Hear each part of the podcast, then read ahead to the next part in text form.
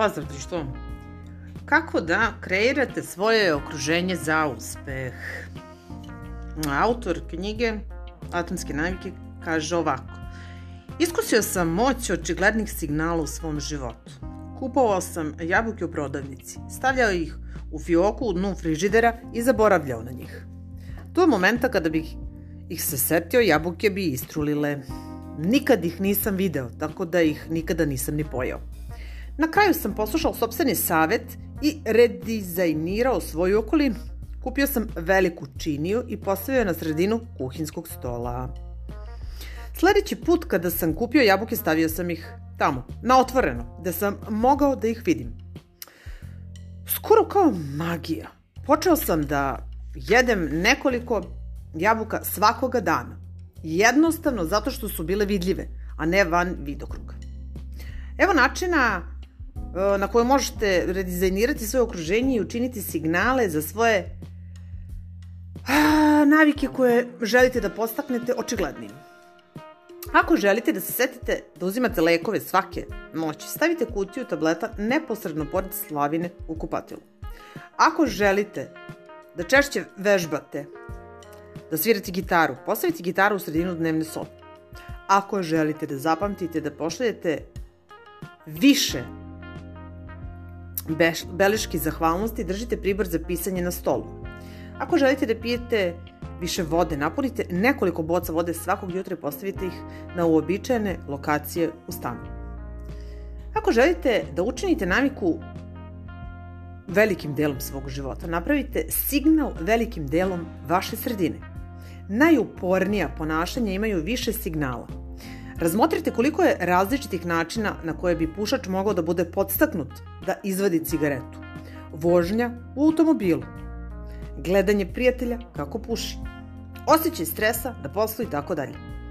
Ista strategija se može koristiti za dobre navike. Postavljanjem okidača u svom okruženju povećavate šanse da razmišljate o svojoj navici tokom celog dana. Uverite se da je najbolji izbor najočigledniji. Donošenje bolje odluke je lako i prirodno kada su signali za dobre navike ispred vas. Dizajn okruženja vam omogućava da povratite kontrolu i da postanete arhitekta svog života. Budite dizajner svog sveta, a ne samo konzument.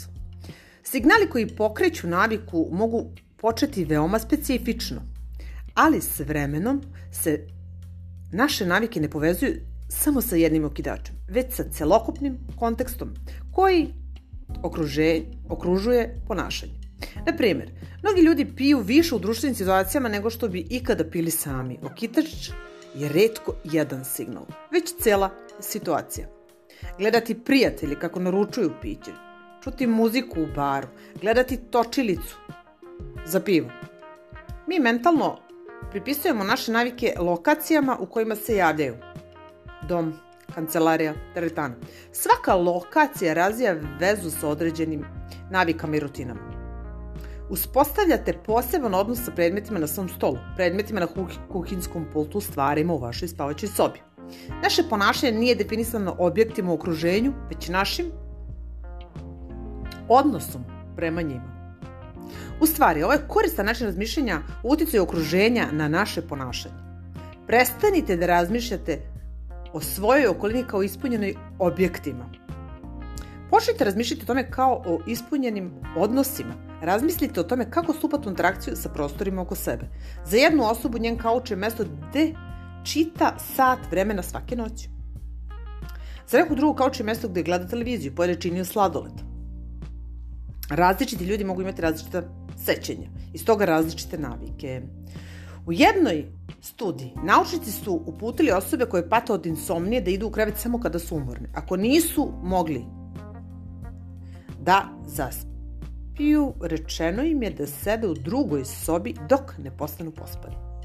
Tokom vremena subjekti su počeli da povezuju kontakt svog kreta sa akcijom spavanja i postalo je lakše da zaspe kada bi legli. Želite da mislite kreativnije, pređite u veću sobu, na krovnu terasu ili u zgradu sa ekspanzivnom arhitekturom. Odvojite se od prostora u kojem obavljate svoj svakodnevni posao, koji je takođe povezan sa vašim trenutnim misalnim obrazcima. Rezime poglavlja. Male promene u kontekstu mogu dovesti do velikih promena u ponašanju tokom vremena. Svaku naviku inicira signal. Više ćemo primećivati signale koji se ističu. Učinite da signali koji iniciraju dobre navike budu uočljivi u vašem okruženju. Postepeno se vaše navike ne povezuju sa jednim okidačem, već sa celokupnim kontekstom koji okružuje ponašanje. Kontekst postaje signal. Lakše je graditi nove navike u novoj sredini jer se ne borite protiv starih signala. Pozdrav!